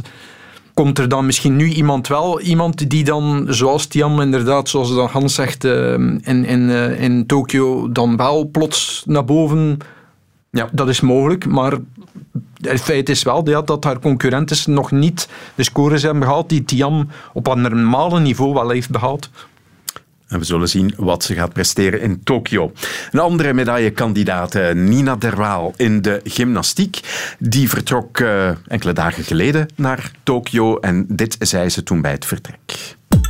Ik wil eigenlijk gewoon de oefening turnen dat ik op, dat ik op training al heb kunnen doen. En ik denk dat als, als ik die oefening doorkom, ehm, dat ik sowieso geen spijt, ga, eh, geen spijt kan hebben. Dan maakt het niet uit welke plaats dat wordt. Iedereen zijn niveau is ook serieus gestegen het afgelopen jaar. En iedereen heeft nog geprobeerd om volop te verbeteren. eh, zoals dat ik dat ook heb geprobeerd. En ehm, ja, het gaat allemaal heel dicht bij elkaar liggen. Zal jij ontgoocheld zijn als jij terugkeert naar België en je hebt geen medaille? Het hangt er natuurlijk vanaf hoe dat mijn wedstrijd is gegaan. Ik denk dat als ik alles heb gegeven en ik heb het maximum eruit gehaald, kan ik niet echt teleurgesteld zijn. Eh, natuurlijk, als niet alles is verlopen hoe dat, hoe dat moest, dan gaat er natuurlijk wel teleurstelling zijn. Ik was eigenlijk gefrappeerd door die laatste vraag. Ga je ontgoocheld zijn als je terugkeert zonder medaille? Ehm, Jonas, dat is toch een vraag die pakweg een paar maanden geleden nooit zou gesteld zijn. Wel, zeker niet na het, eh, het, het laatste wereldkampioenschap, waar eh Derwaal toch ja, eh, outstanding was. Niemand die toch in de buurt kwam. Ehm, ja, dan, dan kwam de rechtstreekse aanloop naar, naar Tokio, waar ze blijkbaar toch mentaal gezien heel erg heeft van afgezien. Het uitstel. ja, dus een, ook, ook nog voor het uitstel zelfs. Ehm haar zelf heel veel druk opgelegd. Ehm, ja, dan kwam dan het uitstel, wat voor haar dan misschien zelfs niet eens slecht uitkwam, om- omdat ze dan uit een heel moeilijke mentaal, ook fysieke periode met wat blessures enzovoort kwam. Ehm, en ze zegt nu van zichzelf dat ze een enkele maanden later, en, en met alle ervaringen van dat uitstel en, en, en trainen en bubbels enzovoort, dat ze alles toch meer kan relativeren en, en dat ze mentaal sterker is en, enzovoort. Ehm, maar ja, dan zie je nu wel dat inderdaad dan sinds het WK 2019 dat er eh, wel wat concurrent is. En met name dan die Amer- Amerikaanse Sony Sali de, de achterstand op Derwaal eh, heeft, heeft goed gemaakt. En, en om niet te zeggen zelfs haar heeft voorbijgestoken. Eh, want Sony Sali heeft, heeft tweemaal, op de Amerikaanse kampioenschappen en op de Amerikaanse trials een score neergezet van 15,3. eh, met een moeilijkheidsgraad van 16,8. En daar is Derwaal zelfs op de voorbije WK's nog niet aan geraakt. Ze heeft dan tel- eh, 15.233 en 15.2 gescoord op de voorbije WK's. Ehm, dus dat is nog onder de score van Suni Sali nu op de trials. Zal die Amerikaanse dat ook kunnen herhalen in Tokio op het grootste toneel met nog meer druk? Dat valt nog te bezien. Maar het feit is wel dat, dat, ja, dat er wel eh, beter dan ooit zal moeten scoren. En dan zag je toch wel een, een klein beetje verontrustende signalen op, op Ja, dat de, hele gedoe over welke oefening wordt het. ja, in, in Osijek en, en daarna dan in Gent. Ehm, dus in Osijek had ze op een nieuwe oefening uitgeprobeerd met een, eh, haar zogenaamde Derwaal Fenton, maar dan met nog een halve draai erbij, blijkbaar. Hoe het er ook mocht uitzien, ik ben er geen specialist in. Eh, maar dat was dan een, weer een nieuw element. Uh, maar dan bleek dan dat dat, dat, dat dat toch niet helemaal vertrouwd aanvoelde en dat er dan ook twijfels waren of, of ja, dat element dan wel goed genoeg gecoteerd zou zijn om, om dan uh, een hogere uitvoeringswaarde te halen. En ook ja, de uitvoering ja, was niet, niet navenant in, in, in waardoor dat ze zelfs um, was 15, uh, 1.5 en 15.0 scoorden. Wat, wat ja, merkelijk lager is dan, dan bijvoorbeeld Suni Sali. Dus heeft ze nu haar oefening aangepast, dat nieuwe element laten vallen, met een extra katje erbij om het ingewikkeld te maken, waardoor dat ze nog altijd op een, een moeilijkheidsgraad van 6,7 zou zitten. Maar ze verwacht dat ze die oefening, zoals ze het zelf zegt, netter, dus mooier zou kunnen uitvoeren, waardoor ze een, een hogere uitvoeringsscore zou kunnen krijgen. Mm -hmm. En ze hoopt dan, als ze dat effectief heel mooi kan uitvoeren, uh, dat ze dan 15,4 kan halen. Dus nog iets meer dan de Amerikaanse 15,3. Mm -hmm. Maar ja, zoals je zelf zei, the proof of the pudding is in the eating. En, en zoals ze dan effectief, ook in die moeilijke omstandigheden in Tokio, na die moeilijke aanloop het kunnen doen. Het grote voordeel van de Terwijl ook, ik heb daar ook nog een verhaal over gemaakt in onze Olympische Hits, is, is dat zij mentaal ja, dus onwaarschijnlijk sterk, onwaarschijnlijk sterk is. Um, een competitiebeest tot en met, die, die op, net altijd op dat ene moment toch altijd enorm kan focussen en, en dan het best uit zichzelf kan halen. Dus ja, ja het, het is een beetje af te wachten. Hans, ben je het eens met de analyse van Jonas? Ja, maar ik denk dat ze ons misschien nog wel zou kunnen verrassen. In, in, in, in de twee richtingen. Hè. Ofwel uh, echt afgaan, hè, dat het niks wordt. Ofwel ook nog er iets speciaals mee doen, wat we niet weten. Uh, ik heb begrepen dat ze nog iets zou doen aan een afsprong, waardoor ze nog iets hoger zou kunnen uitkomen. Dat uh, heeft een insider mij toegefluisterd. Uh, maar dat hebben we dus nog niet gezien. Ik ben daar ook geen grote kenner van al die elementen. Dus ik zal me ook moeten laten leiden door de Dirk van Nessers van deze wereld. Maar ehm, ja, zoals Jonas zegt natuurlijk, het komt er daar wel op aan om op een bepaald moment uh, je best mogelijke oefening te turnen. Uh, en uh, ja, in hoeverre kan een, een, een, meisje van 16, als Sunnis, enfin 18 is al, Sunny Sali, die nog maar komt, komt kijken, hoe kan die dat? Derwaal heeft daar al een paar keer gestaan, is al een paar keer gewoon, heeft een paar keer haar oefening perfect uitgevoerd. Uh, beter beter uh, dan, dan op trainingen, bij wijze van spreken. Ja, dat is de kunst van de, van de grote kampioen. Hè, om, om op het goede moment de beste prestatie neer te zetten. Ja. En dat kan zij natuurlijk. Hè. Ja. Oké, okay, um, we moeten voortmaken, want onze tijd is niet eindeloos. Um, de hockeyploeg. Bronzen medaille op het EK. Uh, Bert, ik denk dat jij ook af en toe hockey gaat verslaan. Ja. Straks in Tokio. Ja, ook daar gemengde gevoelens zo rond die hockeyploeg. Oké, uh, na afloop van dat EK zei de bondsvoorzitter Marc Caudron, ik ben er zeker van dat ze maar aan 70, 80 procent hebben gespeeld. Maar ik ken weinig mensen die dat al te ernstig hebben genomen, wat hij daar heeft gezegd. Ik weet niet hoe je dat kan op 70 of 80 procent spelen. Ik, ik, heb dat zelf nooit kunnen doen op het lage niveau waarop ik ooit gevoetbald heb. Dus uh, ik, ik, weet niet hoe je dat kan, uh, dat kan berekenen. Um, ik, ben wel eens uh, gaan kijken naar een wedstrijd in de Pro League onlangs ook van de nationale hockeyploegen. Want de vrouwen speelden toen ook. En ik was niet bijster onder de indruk van de prestatie toen in die ene wedstrijd. Ik heb er ook een paar half op de televisie gevolgd. Maar het lijkt me wel dat ze nog niet met een volle focus op dat moment aan het spelen waren. En misschien is het, zoals Hans zegt over Nina Derwaal, ook wel bij hockey het geval. Hè. Ik denk dat ze daar ons ook nog wel kunnen verrassen met bepaalde dingen die ze op tactisch vlak nog niet hebben laten zien op het, op het EK, met name in de strafcorners en dergelijke. Denk ik niet dat ze het, uh, mm-hmm. alle details al hebben prijsgegeven, uh, alle nieuwigheden die ze misschien hebben bekokstoofd uh, om die strafschoppen wat origineler te maken, om, om die dreigender te maken en daar profijt uit te halen tijdens de Olympische Spelen. Want dan is dat voor voordeel natuurlijk weg dat je, dat je zou kunnen hebben in, uh, in Tokio. Dus dat denk ik wel dat daar nog uh, een, een, flinke marge op zat in vergelijking met het TK. Ja, en eigenlijk in de halve finale op het TK tegen Nederland waren ze best goed. Ja, ja dat was helemaal niet slecht. Hè. Daar had het uh, ook helemaal de andere kant kunnen, kunnen uitgaan, inderdaad. Ik vraag me alleen af, verliezen in shootouts, dat heeft niks te maken met, met tactiek, niks te maken met fysiek. Ja, dat is misschien toch... Stel dat het in, Tokio dan op shootouts zou aankomen, uh, halve finale of finale. Misschien heeft dat dan ook wel weer een, een klein mentaal voordeel voor Nederland. Van, kijk, we hebben dus wel gewonnen. Um, ja, anderzijds denk ik wel, een van de grootste sterktes van, van, van, van de Lions is een fysieke paraatheid. En dat zal in Tokio ja, een enorm belangrijke factor zijn um, door de opeenvolging van wedstrijden. Want dat heeft McLeod ook nu proberen te simuleren voor het, voor het uh, Europees kampioenschap met nog een aantal oefenwedstrijden kort voor het kampioenschap. En dan ook tot, tijdens het, het Europees kampioenschap, zoals het in feite aan het aantal wedstrijden zouden komen die ze in Rio in het beste geval zouden moeten afwerken om die simulatie Tokyo. al te maken. Of in, in, inderdaad in, in Tokio.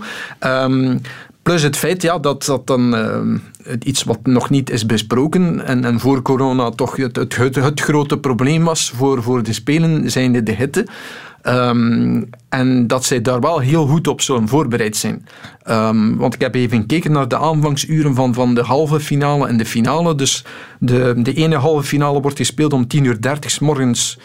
Dus in feite tot 12 uur, pal op de middag, in, in, ja, in, in, op het heetste moment van de dag. En dan om 19 uur s'avonds.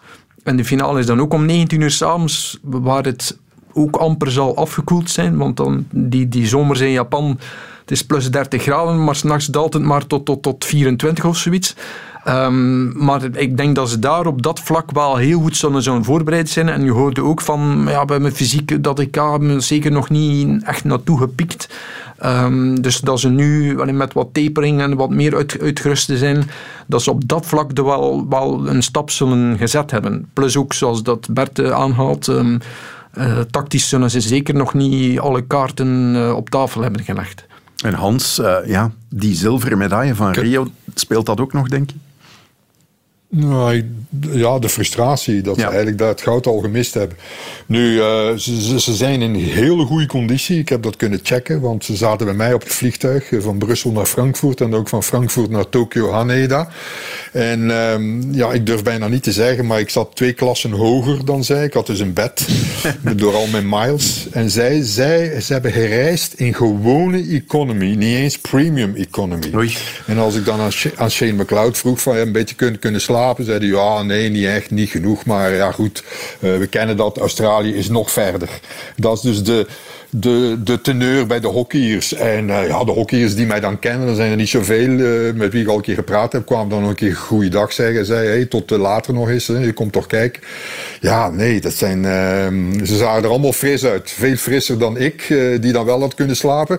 En ze moesten nog naar Hiroshima, hè, want ze hebben dan eerst de test moeten ondergaan. Ze mochten voorgaan, de eerste speekseltest. En dan vrolijk trokken ze naar Hiroshima. En ik denk dat ze daar nu aan een voorbereiding begonnen zijn. De laatste euh, laatste loodjes, de laatste zware trainingen, denk ik. Ook in de warmte. Warmer dan in Tokio, geloof ik, Hiroshima. En uh, ja, ik zie het wel goed komen. En ik denk ook, zoals ander, iemand anders daar gezegd heeft, uh, ja, die Shane McLeod, dat is een hele, hele speciale coach. En die samen met zijn Nederlandse compaan daar, de hulpcoach, hebben ze zeker nog wat dingen achtergehouden.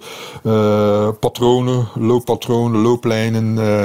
en inderdaad, die strafcorners, daar zal ook nog wel iets speciaals uitkomen. Dus okay. ik, uh, maar het is natuurlijk wel starten tegen, uh, wat is starten tegen Duitsland? Tegen? Nee, Nederland, Nederland de eerste wedstrijd. Ja. Nederland, is... Nederland, dan Duitsland, dan, Duitsland, dan Zuid-Afrika ja. en dan Engeland. Canada. Ja, dat zijn drie verschillende, drie uh, goede, goede landen hoor, die ze meteen in de poelen krijgen. Dus ja, nee, maar ik, ik zie hem wel ver doorgaan, dat wel, ja. Oké. Zullen we dan op een drafje er nog wat andere namen bij nemen? Um, helemaal in het begin zijn de namen Wout van Aert, Remco Evenepoel al gevallen.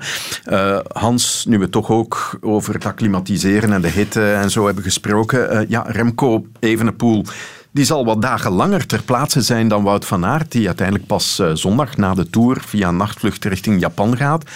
Is dat een voordeel of, of wordt dat tegen zaterdag of de tijdrit woensdag erop uh, of dinsdag, wanneer is het uh, uitgevlakt? Ja, dat, wordt, uh, dat, heeft hij, ja, dat heeft hij verwerkt, ja. Wout. Ja. Bovendien, goed ja, het presteren. je, zou, je, kan, je moet je nachtrust niet echt helemaal plannen zoals in Tokio. Je kan ook slapen wanneer. Je moet een beetje plannen in functie van de competitie.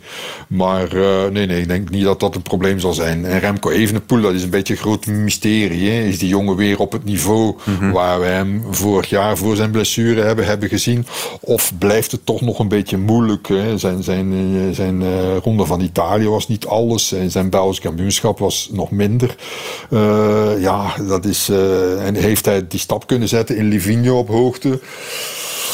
dat weten we niet. In, elk geval, in, elk geval, in elk geval is het een, eh, een, uh, talent dat, uh, waarvan, we, uh, waarvan we echt blij mogen zijn dat het er nu al is. En dat nu al de Spelen meemaakt. Waardoor het over drie jaar echt wel zal kunnen oogsten. Hè. En ja. als je dat soort jonge talenten kan meenemen, dan moet je dat altijd doen. En ondertussen groeit Wout van Aert duidelijk wel naar zijn topvorm toe. Uh, die Olympische... Ja, die van Aert, dat is, ja. Uh, ja, van Aert, dat is, dat is absolute wereldklasse. Uh, van Aert heeft zijn zinnen gezet op dat Olympisch goud op de weg. Ik denk dat voor tijdrijden zal het moeilijker worden. Filippo Ganna, ja. Rowan Dennis. Onwaarschijnlijk hoog niveau, die... die tijdrit. Ja, dat zijn gasten die eigenlijk zich heel specifiek daar kunnen op voorbereiden. Hè. En die echt continu op die tijdritfiets zitten. En op de tijdritfiets zitten is toch iets bijzonders. In de zin van, je moet prestaties leveren in een hoek waar je niet gewend bent van in te rijden, continu. En, uh, en dat moet meer dan een uur lang. En uh, ja, dat zal toch... Eh, van Aert gaat nog een tijdrit rijden in de Tour, als hij daar in de Tour blijft. maar ja, en dan zal hij een beetje op zijn tijdritfiets trainen. Maar dat is toch niet hetzelfde als die Rowan Dennis, die nu al eigenlijk een paar maanden bezig is op die tijdritfiets. Filippo Ganna waarschijnlijk ook na de Giro. Ja. Daar hebben we ook niet veel meer van gezien. Dus ja, dat wordt lastig. Maar de wegrit, ik zie niet goed in wie hem van die wegrit kan weghouden uit die kopgroep, wie hem daar zal afrijden op die laatste klim. Dat, gebeurt niet, echt waar niet. Dus, uh, uh, Hans, als ik even mag, mag tussenkomen, um, voor specifiek dan die wegrit. Um, ja, de allesbepalende klim is die Mukini-pas. Um, ehm, 7 kilometer aan, aan 10,3 procent, uh, 5 kilometer aan 11, tot, tot, een piek van, van 17 procent is zelfs de allerbeste Van Aert, de, de, de klimmer dan in Van Aert, daar dan, is dat dan niet te zwaar, zelfs voor hem dan? Ik denk van wel, of ik vrees wel wel, maar, maar het is natuurlijk te zien... Um, het is dan nog 32 kilometer tot aan de finish, met nog een, een klein klimmetje van 2, 2 kilometer, een afdaling van 15 kilometer en toch nog een plaatselijk parcours van, van 6,5 kilometer. Ja, het, dat is natuurlijk nog, nog een flink eind tot aan de finish. Um, maar de grote vraag is... Wel, dat is het, hè. Ja, to, als, het, hoe, zullen, hoe, ver zal Van Aert... Ja. maar hoe ver zal Van Aert achter zijn op de top? Want ik, ik kan mij... Zelfs de beste Van Aert kan op, op zulke steile stroken ten opzichte van, van de Pogacars en de Roglicen en, en de, de Carapassen en kan normaal gezien niet volgen. Maar als hij dit verlies kan beperken tot, tot ja, misschien een minuut dan is er, zoals we in feite met, met eh, Van, Van Avermaat gezien hebben in Rio, uh, van, van op de Vista Chinesa tot aan de Copacabana, dan is er nog veel mogelijk. Zeker als Van Aert dan effectief nog, nog even een poel in steun zou hebben. Uh, want dat is, dat is voor mij de grote cruciale vraag voor, voor Team Belgium. Um, ja. Zitten daar met twee kopmannen, maar wat gaan ze doen met, uh, met Evenepoel die misschien als hij in zijn allerbeste vorm is, die beste klimmers uh, nog kan volgen. Maar ten opzichte van Roglic en, en uh, Pogacar um, in, in die laatste ronde, zeker als het op een sprint aankomt, kansloos is. Dus zou je dan misschien verwachten dat dat Evenepoel, ja, als, als Van Aert echt goed is en hij is niet ver achter, dat ze dan Evenepoel inschakelen om, om Van Aert weer naar, naar voren te brengen en die het dan wel kan afmaken in de sprint. Dus uh, het, wordt allemaal zeer moeilijk. Plus ook het feit van, van inderdaad ook, ook die hitte. Want um, die wegrit, dat is in feite het enige echte grote uh, onderdeel op de Spelen die zes uur lang in, op het heetste van de dag wordt, wordt gereden. Um, van, van tien uur tot um, ja, vier uur in de namiddag. En eh, ja, dat, dat zal ook een, een cruciale rol spelen. Die fueling strategy, eh, hoe dat ze daar met soigneurs eh, langs de kant kunnen staan om genoeg bidons aan, aan te leveren. Ehm, dus in, die zin zullen de, de helpers die nu ter, ter, discussie- staan met Van Avermaat en, en, en- enzovoort, ehm, ja, wel ook een belangrijke rol op dat vlak moeten spelen. Ja, maar ik denk niet dat ze van Aert zullen eh, kunnen, kunnen losrijden. Om dan nog 30 kilometer eh, met twee of met drie samenwerkend naar de mee te rijden. Ik denk dat er daarna zal een groepje zich vormen. Je hebt ook nog Alaphilippe en zo. Hè. Eh, dus ze hebben heel veel goede renners. Die eh Roglic tegen Pogacar, dat zijn er wel twee van hetzelfde land. Maar dat gaat ook... dus ik denk dat er genoeg concurrentie zal, zal zijn om, om niet... het niet te laten ontploffen. Val, Valverde zou het misschien durven laten ontploffen op die laatste klim, maar die haalt dan ook de streep niet alleen. Dus eh, ik denk dat ze met een klein select groepje naar die streep zullen gaan en in principe moet Van Aert het dan eh, kunnen afmaken. Het is geen WK zoals of geen eh, parcours zoals in Imola, waar die laatste helling dicht bij de aankomst ligt. En waar je kan naartoe rijden als je een minuut hebt boven of een halve minuut. Maar eh, nee, ik, eh, ik zie het echt wel goed komen voor Wout van Aert. Het wordt in elk geval een zeer interessante wegrit.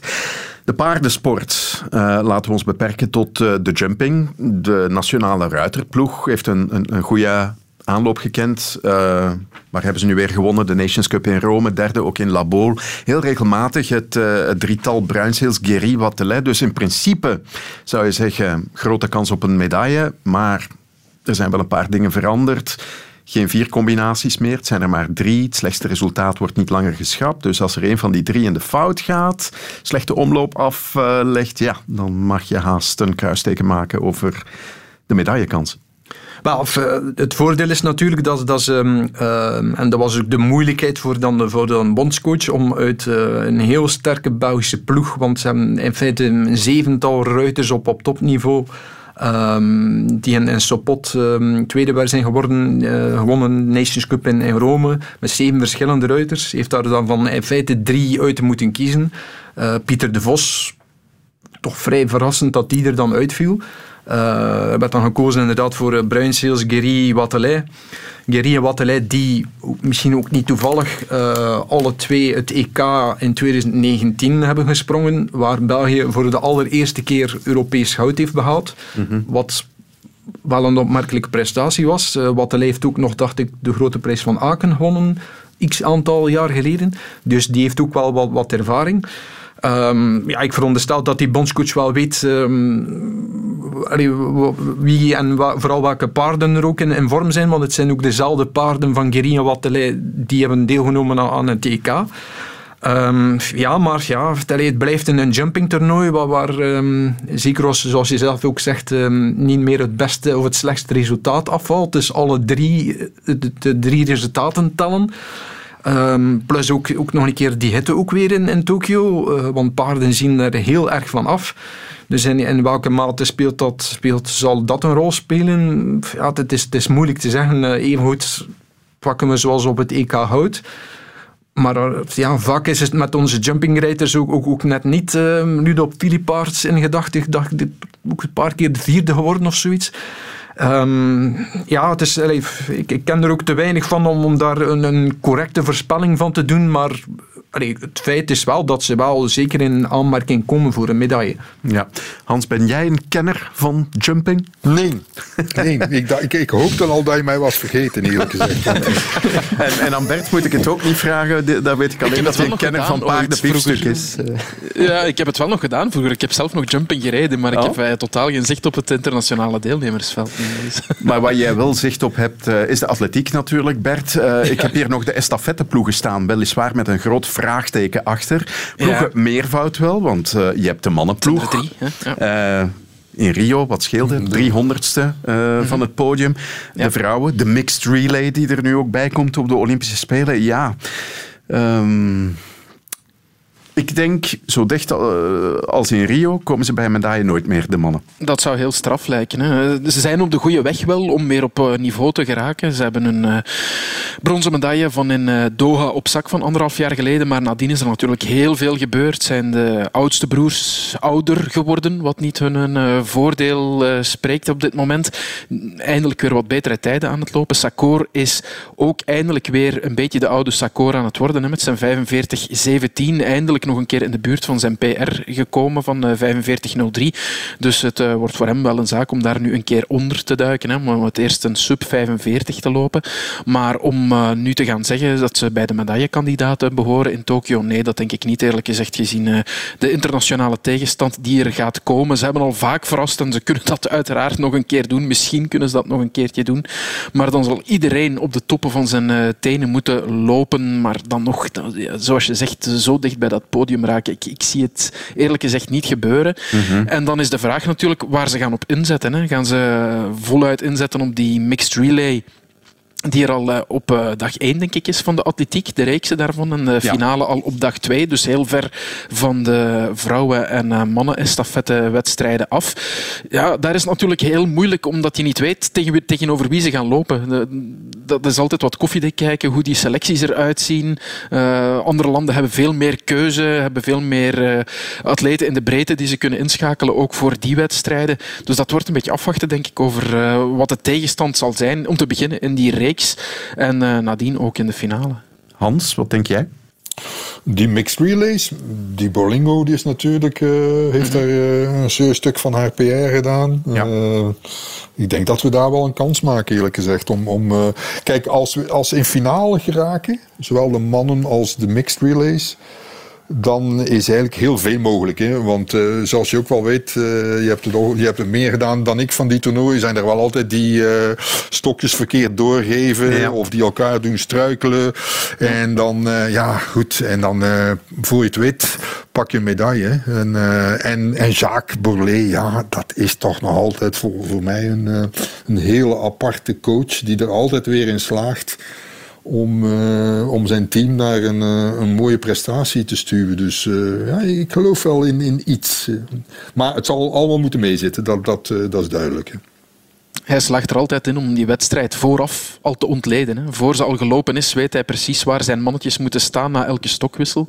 En uh, zij voelen ook, als ze dat, als ze dat kunnen naleven, uh, wat hij zegt, van op dat moment moeten we daar zitten, dat er iets mogelijk is. Natuurlijk, als dat dan net niet lukt, dan komen ze in de problemen. Ja, ja ik heb um, vier jaar geleden, dat was nog voor Rio zelfs, een, een verhaal gemaakt met, met Jacques Borlet net over die, ja, die tactiek van, van de 4x400 meter. Je zou verwachten dat dat, ja, dat, dat vier lopers zijn die, die gewoon naar elkaar lopen en een stokje doorgeven. Nee, nee. Maar ik, ik, ja, ik was verbaasd hoe hoe enorm veel uh, ja, de dingen zijn waar ze, daar ze daarmee rekening houden. Hoe Borlée dat daar maniacaal mee bezig is om die tegenstanders te bestuderen. Mm-hmm.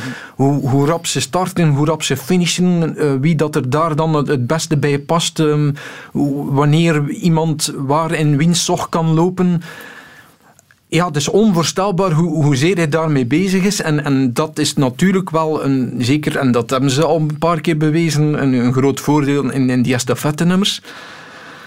Maar ja, je moet natuurlijk ook nog rap kunnen lopen. En, en als je dan alle tijden optelt, ja, dan, dan, dan vrees ik ook zeker nu, nu de, de tijden in de atletiek, maar dat heeft dan ook weer te maken met, met, de, met de nieuwe wonderschoenen um, enzovoort, dat dat ja, dat dat, meer, dat heel moeilijk zal worden dan, behalve dan misschien inderdaad dan, ja, de, de mixed relay met, uh, met zeker met Bolingo die, die, die uh, toch een, een, flinke stappen heeft gezet en ja. mogelijk in, ook individueel richting misschien een finale kan, kan lopen. Heel, heel misschien, hè? Heel misschien. Ja, heel Het misschien. zal kantje boord ja. zijn, maar, maar het, het is, is, niet ja, uitgesloten. ja. Het is niet uitgesloten.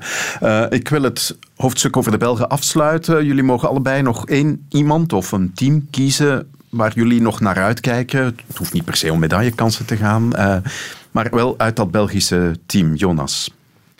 Um, omdat ik een, een, een, kan ik zeggen, een persoonlijke connectie heb met, met hem, maar um, iets wat mij enorm is bijgebleven in Rio was uh, het toernooi van Jawata Shap, de Taekwondoka. Ik had hem voor Rio um, een heel lang interview met hem was daar enorm onder de indruk geraakt van, van, uh, van zijn mentale sterkte, van, van hoe de weg die hij had afgelegd als, als, als Marokkaans, uh, Marokkaanse jongen die allee, alles behalve makkelijk heeft gehad om, om, en dan toch heeft zich opgevochten tot, tot wereldkampioen. Um, had dan naar Rio met heel veel verwachtingen, heel zelfverzekerd, maar ja, één ja, onoplettend in de halve finale tegen, tegen de Rus. Um, kost hem dan de finale, um, wint dan ook niet de kant op het brons, wordt dan, wordt dan maar vierde. En, en ik zie ons daar nog altijd staan op, op uh, de persconferentie achteraf, het praatje achteraf van... van Um, ja, hoe, hoezeer hij daar ontgoocheld was en, en, en zoals dat hij zijn land, want hij wilde absoluut iets teruggeven aan, aan België die hem zoveel kansen had mhm. geschonken. En, en um, ik, ik weet nog dat ik toen tegen hem zei van, um, kijk, vier jaar later, het is ondertussen vijf jaar later, maar kijk, vier jaar later, ja wat, als je terugkeert met hout naar België. We zullen dat zo beloven en ik zal naast u staan in, in Tokio.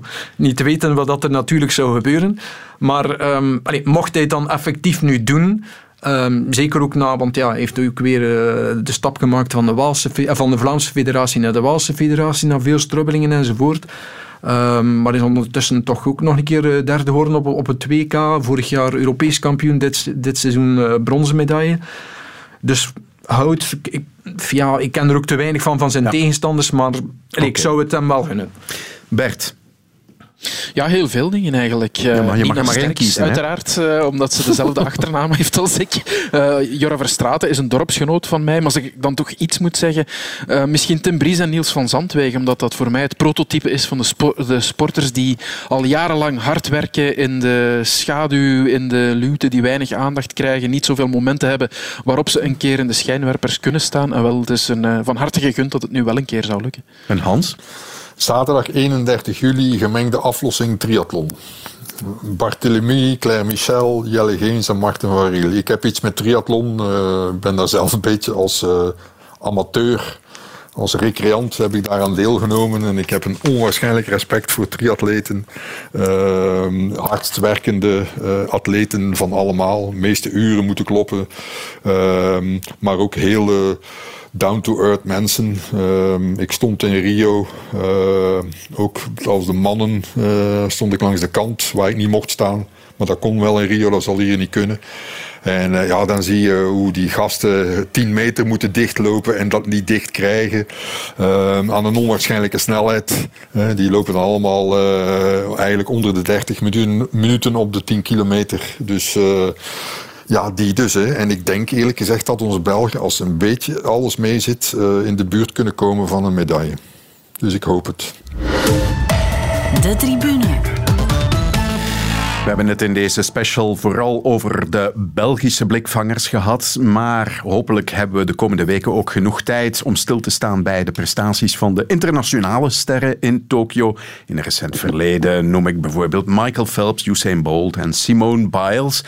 Maar wie worden voor jullie de blikvangers in Tokio op internationaal gebied? Of naar wie kijken jullie op zijn minst uit? Hans, ik ga bij jou beginnen. Oh, Simone Biles, die is nog beter geworden, schijnt. Tenminste, dat, dat uh, als ik dat lees uh, in de Amerikaanse pers. Uh, en ja, sorry, maar er is geen nieuwe Phelps. Ja, Caleb Dressel zou dan de nieuwe Phelps zijn, maar daar geloof ik niet in. Ehm, er is ook geen nieuwe Usain Bolt. Mm -hmm. dus laten we maar, ja... nee, ik denk, er zijn, dat is ook nog het grote probleem van deze Olympische Spelen dat er eigenlijk een soort generatiewissel is en uh, dat die absolute supersterren zich moeten manifesteren nu voor weinig publiek, uh, waarschijnlijk ook niet al te veel televisiekijkers. Dus uh, we zitten met een Olympische dip, niet alleen door corona, maar ook door, denk ik, een beetje gemis aan grote namen. Ja. Jonas, wat denk jij? Wel, het, het, ja, het is een beetje ehm, een generatiewissel, denk ik. Um, veel toppers die, die um, ja, misschien kan niet zijn in de hersen van hun carrière zitten, maar, maar toch net over een hoogtepunt en, en, en dan moeten opnemen tegen, tegen ja, de jongere generatie. En, en misschien het allermooiste voorbeeld daarvan is dan um, Katie Ledecky. Ehm, Amerikaanse zwemster die de voorbije ja, zes, zeven jaar alles gedomineerd heeft in de, op de vrije slag van de 200 tot de 1500 meter. Ehm, alles kapot gezwommen, alle top 10 tijden all-time op, op haar naam. En uh, ja, ook al in Londen op 16-jarige leeftijd dacht ik goud gewonnen. Um, in Rio um, twee of drie keer goud. En, en dan um, ja, in, in, op het WK 19 verliest ze dan van Ariara Titmus. een nieuwe Australische wondertalent, zoals wordt gezegd. En ja, um, dan zie je dat inderdaad, dan dat Titmus op, op de trials in, in Australië de, de, het wereldrecord van, um, uh, van het dekkie tot op ja, een, een 40 tot honderdste heeft benaderd op de, de 400 meter. Dat uh, Titmus ook op het 10 honderdste van het, het fameuze wereldrecord van Pellegrini op de 200 meter vrije slagstrand. En dat Ledecky daar dan op de trials, in, de Amerikaanse trials, dan een paar seconden boven zat. Dus dat duel tussen ja, de gevestigde waarde Ledecky tegen het, het, misschien het nieuwe grote zwemtalent Titmus zal zeker in het vrouwentoernooi het duel zijn van, van, van, van het zwemmen. Alhoewel dat Ledecky ook, met, denk ik, met mijn vingers in de neus de, de 800 en de 1500 meter zal, zal, ja, zal winnen. Maar op de kortere afstanden zal ze het ja. niet cadeau krijgen. En dan bij de mannen heb je het, het, um, ja, het, het, het fenomeen dat eigenlijk nog maar pas is opgestaan, zijn de, die Roemeen Davide Podi, Popovici liever. Um, 16 jaar, ja. die op het voorbije EK voor junioren de, de snelste seizoenstijd op de 100 meter vrije slag heeft gezongen met 47-30. Dus sneller dan Dressel, sneller dan Chalmers, uh, sneller dan uh, Kolesnikov, um, sneller dan uh, Marese, de Italiaan. Dus die gast is 16 jaar, doet effectief ook mee in Tokio van 50, 100 en 200 meter vrije slag. Dus stel je voor dat, dat die daar op zijn 16e ja, zelfs al een medaille zou behalen of, of laat staan Olympisch kampioen zou worden, dan, ja, dan heb je daar al misschien uw nieuwe jonge ster. Maar ja, 16 jaar tussen een EK voor junioren en een Olympische Spelen natuurlijk een groot verschil. Ja, oké. Jouw focus ligt dus in eerste instantie op het zwemmen. Tot slot, Bert, het uithangbord wordt denk ik Simone Biles, zoals Hans zegt. Eh, ik merk dat aan, aan mensen die de sport gewoon volgen over de takken heen als liefhebber, dat dat de naam is waar ze naar uitkijken, die ze willen uh, zien presteren, ook omdat het spectaculair is. Het ziet er allemaal mooi uit. Dus dat uh, op één denk ik toch wel voor deze Spelen. Langs de andere kant is het zo. Hè. Er zijn weinig uithangborden. in de atletiek hoopten we op Duplantis in het polstok springen.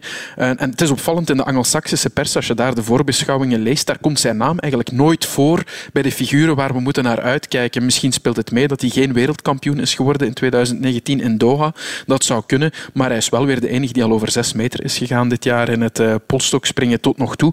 Dat neemt niet weg het, het gebrek aan grote namen, dat er een paar heel mooie duels gaan komen. Hè. Eentje daarvan is zoals uh, zo net al gezegd, Titmus tegen Ledecky bijvoorbeeld, maar ook in de atletiek. McLaughlin tegen Mohamed op de 400 horde. De ene pakte de andere haar wereldrecord onlangs af, dus ja. dat wordt nog wel wat. Ook het uh, hoogspringen, Lasitskene tegen de jonge Mahuchik, wordt ook een heel mooi duel, denk ik, tussen die twee. Daar zit je ook weer met die tegenstelling van de oudere generatie tegen de jongere generatie, want de Oekraïense is nog maar 19, maar dat wordt wel wat, denk ik. En zo heb je er wel een aantal die je kan opzommen, maar nee, de echt grote grote naam, die zit daar niet tussen. Zoals de snelste man op de 100 meter dit jaar, Traven Bromell. Ja, de kenners kennen zijn naam en weten wie hij is, maar het grote publiek is dat toch uh, net wat minder, denk ik. Ja. Dan zullen we ze maar moeten leren ontdekken de komende weken. Daarmee zijn we rond in deze special, de Olympische special van de tribune. Bedankt Hans van de Wegen, Jonas Creteur en Bert Sterks. Bedankt ook om te luisteren. Hopelijk hebben we jou wat meer wegwijs kunnen maken in de komende Olympische weken. En de Olympische Zijn van vrijdag 23 juli tot en met zondag 8 augustus te volgen op alle platformen van Sportza. Weet meer, voel meer. Volg alle wedstrijden en meer in de vernieuwde Sportza-app. Download hem nu in de App Store of via Google Play.